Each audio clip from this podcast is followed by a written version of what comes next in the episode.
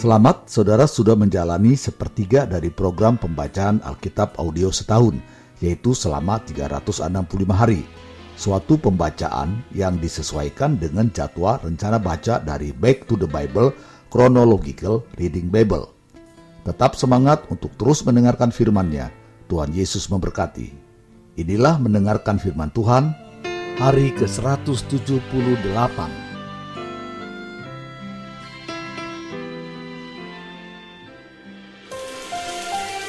1 Raja-Raja pasal 17 ayat 1 sampai 6.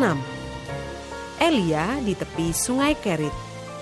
Lalu berkatalah Elia, orang Tisbe, dari Tisbe Gilead kepada Ahab, Demi Tuhan yang hidup, Allah Israel yang kulayani, sesungguhnya tidak akan ada embun atau hujan pada tahun-tahun ini, kecuali kalau kukatakan.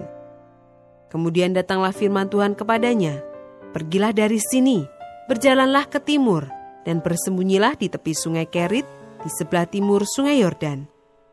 Engkau dapat minum dari sungai itu dan burung-burung gagak telah kuperintahkan untuk memberi makan engkau di sana. Lalu ia pergi dan ia melakukan seperti firman Tuhan. Ia pergi dan diam di tepi sungai Kerit di sebelah timur sungai Yordan. Pada waktu pagi dan petang, burung-burung gagak membawa roti dan daging kepadanya dan ia minum dari sungai itu. Ayat 7 sampai 24. Elia dan janda di Sarfat.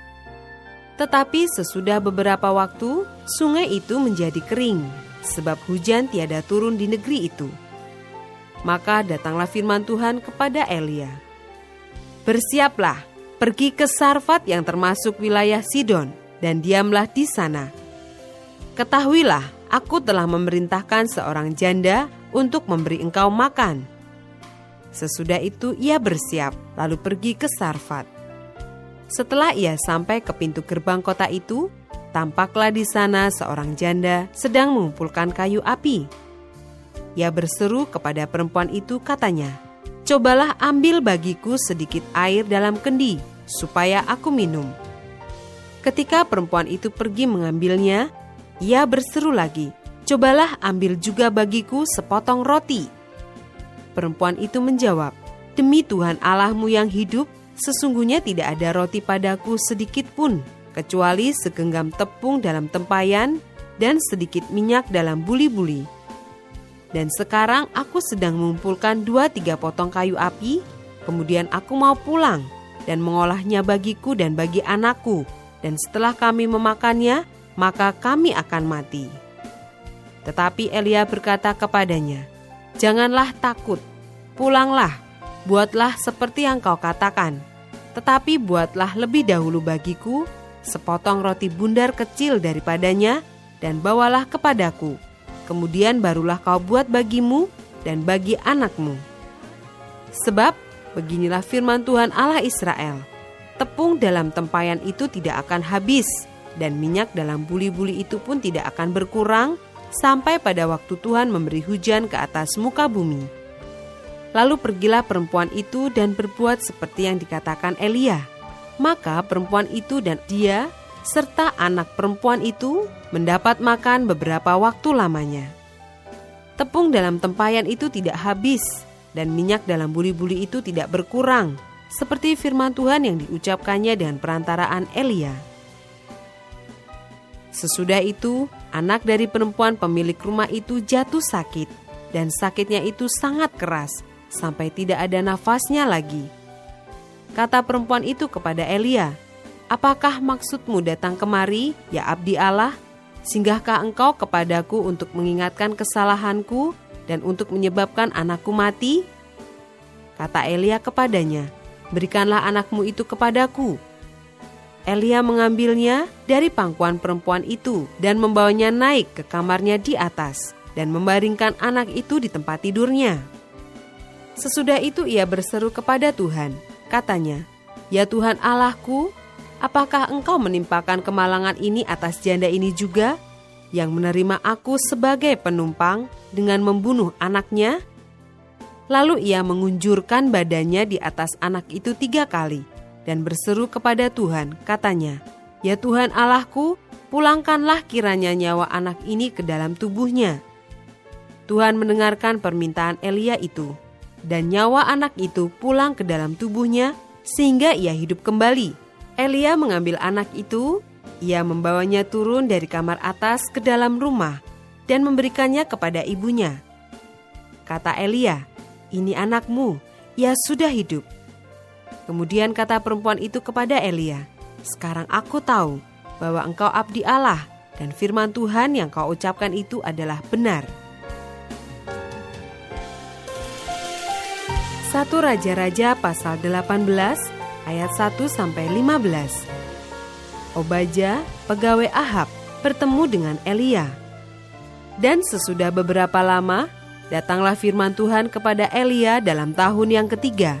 Pergilah, perlihatkanlah dirimu kepada Ahab, sebab aku hendak memberi hujan ke atas muka bumi. Lalu pergilah Elia memperlihatkan diri kepada Ahab. Adapun kelaparan itu berat di Samaria. Sebab itu Ahab telah memanggil Obaja yang menjadi kepala istana. Obaja itu seorang yang sungguh-sungguh takut akan Tuhan. Karena pada waktu Isabel melenyapkan nabi-nabi Tuhan, Obaja mengambil seratus orang nabi lalu menyembunyikan mereka 50-50 sekelompok dalam goa dan mengurus makanan dan minuman mereka.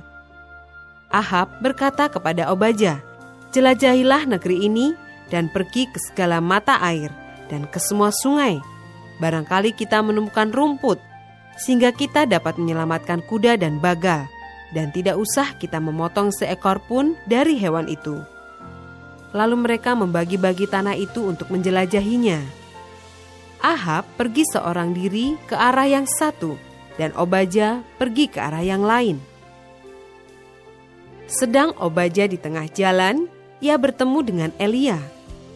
Setelah mengenali dia, ia sujud serta bertanya, Engkaukah ini, hai tuanku Elia? Jawab Elia kepadanya, Benar, pergilah, katakan kepada tuanmu, Elia ada. Tetapi jawab Obaja, Apakah dosa yang telah kuperbuat, maka engkau hendak menyerahkan habamu ini kepada Ahab, supaya aku dibunuhnya? Demi Tuhan Allahmu yang hidup, sesungguhnya tidak ada bangsa atau kerajaan yang tidak didatangi suruhan tuanku Ahab untuk mencari engkau. Dan apabila orang berkata, ia tidak ada, maka ia menyuruh kerajaan atau bangsa itu bersumpah bahwa engkau tidak ditemukan di sana. Dan sekarang engkau berkata, pergilah, katakan kepada tuanmu, Elia ada. Mungkin terjadi apabila aku sudah pergi daripadamu, roh Tuhan mengangkat engkau ke tempat yang tidak ku ketahui kalau aku sampai kepada Ahab untuk memberitahukannya dan engkau tidak didapatinya, tentulah ia akan membunuh aku. Padahal hambamu ini dari sejak kecil takut akan Tuhan. Tidakkah diberitahukan kepada tuanku apa yang telah kulakukan pada waktu Isabel membunuh nabi-nabi Tuhan? Bagaimana aku menyembunyikan seratus orang nabi-nabi Tuhan dalam gua, 50-50 sekelompok, dan mengurus makanan dan minuman mereka?' Dan sekarang, mengapa engkau ini berkata, Pergilah, katakan kepada tuanmu, Elia ada.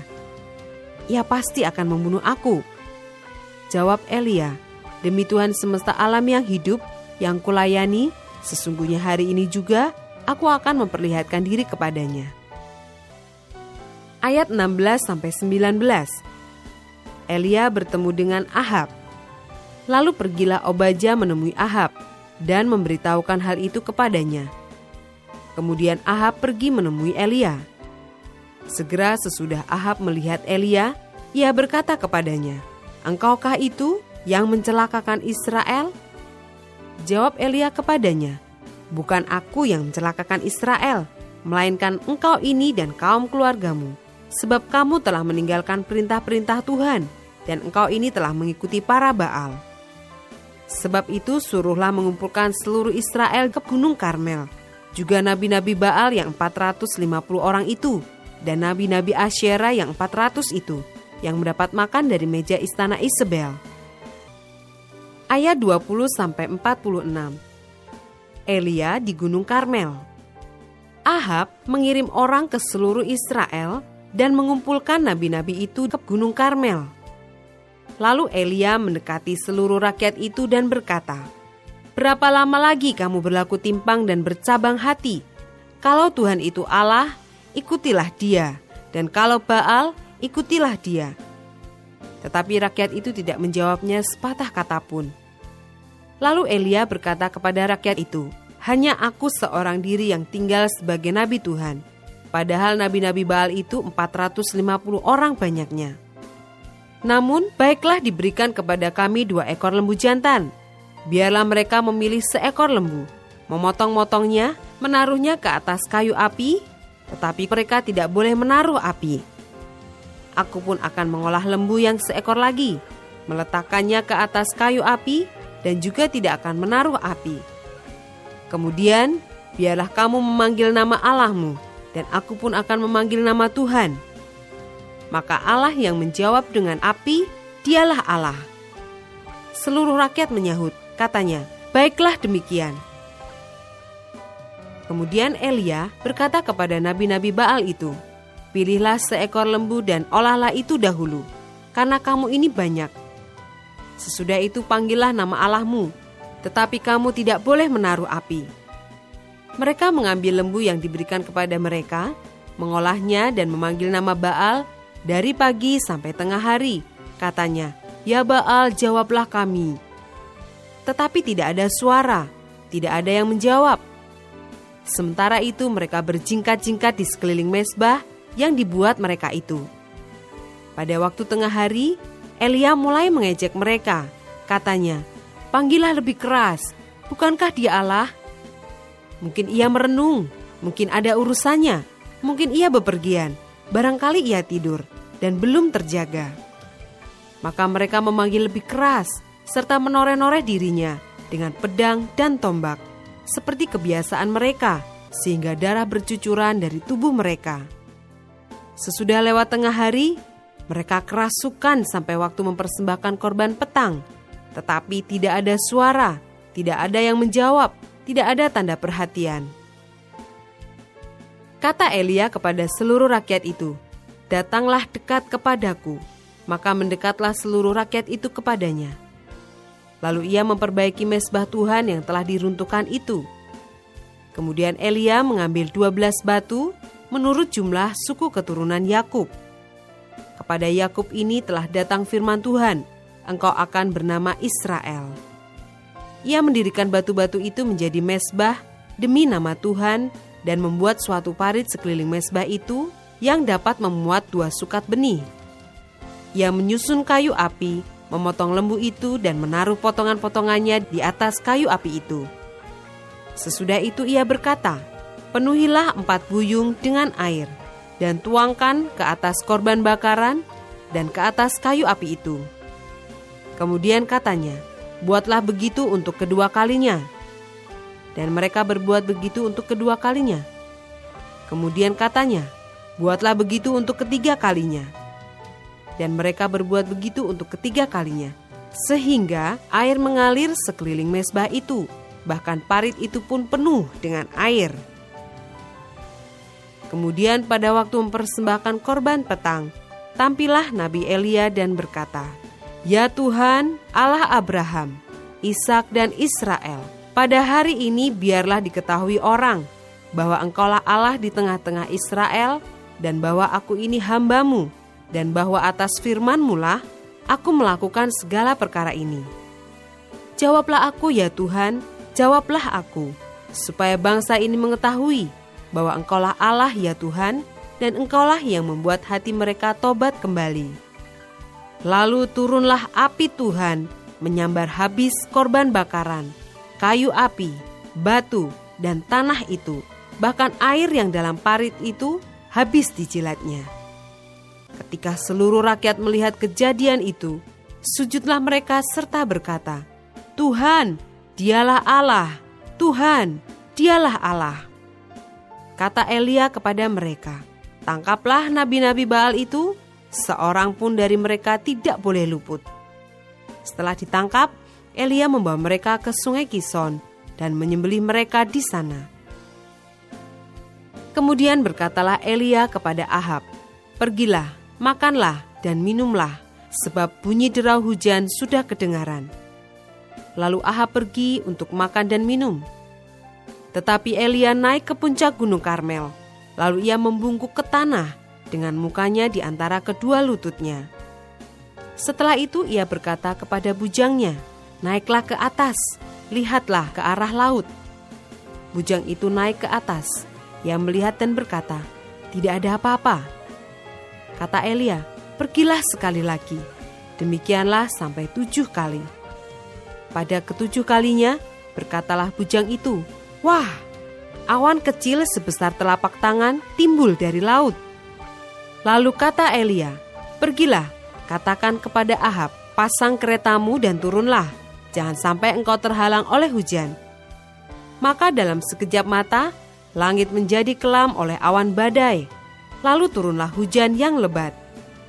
Ahab naik kereta lalu pergi ke Yisrael. Tetapi kuasa Tuhan berlaku atas Elia. Ia mengikat pinggangnya dan berlari mendahului Ahab sampai ke jalan yang menuju Yisrael. 1 Raja-Raja pasal 19 ayat 1 sampai 8. Elia ke Gunung Horeb.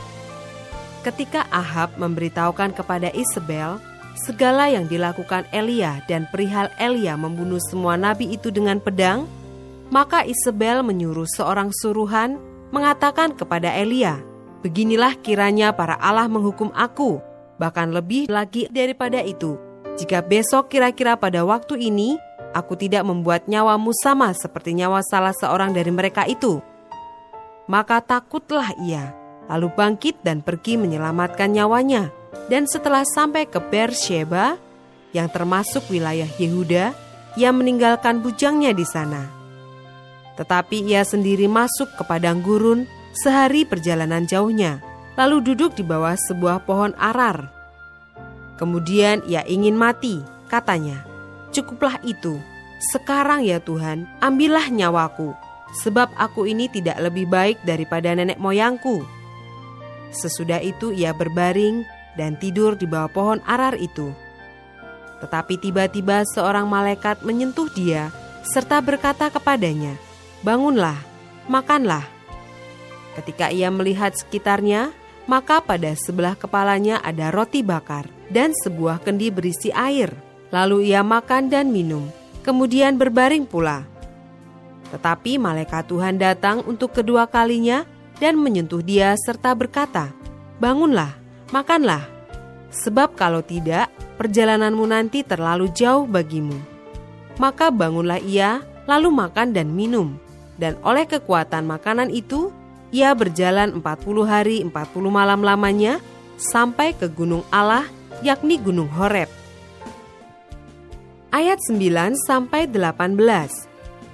Allah menyatakan diri di Gunung Horeb. Di sana masuklah ia ke dalam sebuah gua dan bermalam di situ. Maka firman Tuhan datang kepadanya, demikian. Apakah kerjamu di sini, hai Elia? Jawabnya, Aku bekerja segiat-giatnya bagi Tuhan, Allah semesta alam, karena orang Israel meninggalkan perjanjianmu, meruntuhkan mesbah-mesbahmu, dan membunuh nabi-nabimu dengan pedang. Hanya aku seorang dirilah yang masih hidup dan mereka ingin mencabut nyawaku. Lalu firmannya, keluarlah dan berdiri di atas gunung itu di hadapan Tuhan. Maka Tuhan lalu, angin besar dan kuat yang membelah gunung-gunung dan memecahkan bukit-bukit batu mendahului Tuhan. Tetapi tidak ada Tuhan dalam angin itu, dan sesudah angin itu datanglah gempa. Tetapi tidak ada Tuhan dalam gempa itu. Dan sesudah gempa itu datanglah api. Tetapi tidak ada Tuhan dalam api itu. Dan sesudah api itu datanglah bunyi angin sepoi-sepoi basah. Segera sesudah Elia mendengarnya, ia menyelubungi mukanya dengan jubahnya, lalu pergi keluar dan berdiri di pintu gua itu maka datanglah suara kepadanya yang berbunyi, Apakah kerjamu di sini, hai Elia? Jawabnya, Aku bekerja segiat-giatnya bagi Tuhan, Allah semesta alam, karena orang Israel meninggalkan perjanjianmu, meruntuhkan mesbah-mesbahmu, dan membunuh nabi-nabimu dengan pedang. Hanya aku seorang dirilah yang masih hidup, dan mereka ingin mencabut nyawaku. Firman Tuhan semesta alam, pergilah, kembalilah ke jalanmu melalui padang gurun ke Damsyik, dan setelah engkau sampai, engkau harus mengurapi Hasael menjadi raja atas Aram. Juga Yehu, cucu Nimsi, haruslah kau urapi menjadi raja atas Israel dan Elisa bin Safat dari Abel Mehola harus kau urapi menjadi nabi menggantikan engkau. Maka siapa yang terluput dari pedang Hasael akan dibunuh oleh Yehu, dan siapa yang terluput dari pedang Yehu akan dibunuh oleh Elisa. Tetapi aku akan meninggalkan tujuh ribu orang di Israel, yakni semua orang yang tidak sujud menyembah Baal dan yang mulutnya tidak mencium dia ayat 19 sampai 21. Elisa terpanggil. Setelah Elia pergi dari sana, ia bertemu dengan Elisa bin Safat yang sedang membajak dengan 12 pasang lembu, sedang ia sendiri mengemudikan yang ke-12. Ketika Elia lalu dari dekatnya, ia melemparkan jubahnya kepadanya. Lalu Elisa meninggalkan lembu itu dan berlari mengikuti Elia. Katanya, biarkanlah aku mencium ayahku dan ibuku dahulu, lalu aku akan mengikuti engkau. Jawabnya kepadanya, Baiklah, pulang dahulu, dan ingatlah apa yang telah kuperbuat kepadamu. Lalu berbaliklah ia daripada Elia. Ia mengambil pasangan lembu itu, menyembelihnya dan memasak dagingnya dengan bajak lembu itu sebagai kayu api. Ia memberikan daging itu kepada orang-orangnya, kemudian makanlah mereka. Sesudah itu bersiaplah ia, lalu mengikuti Elia dan menjadi pelayannya. Tetap semangat, teruskanlah mendengarkan firman Tuhan. Sampai jumpa esok hari.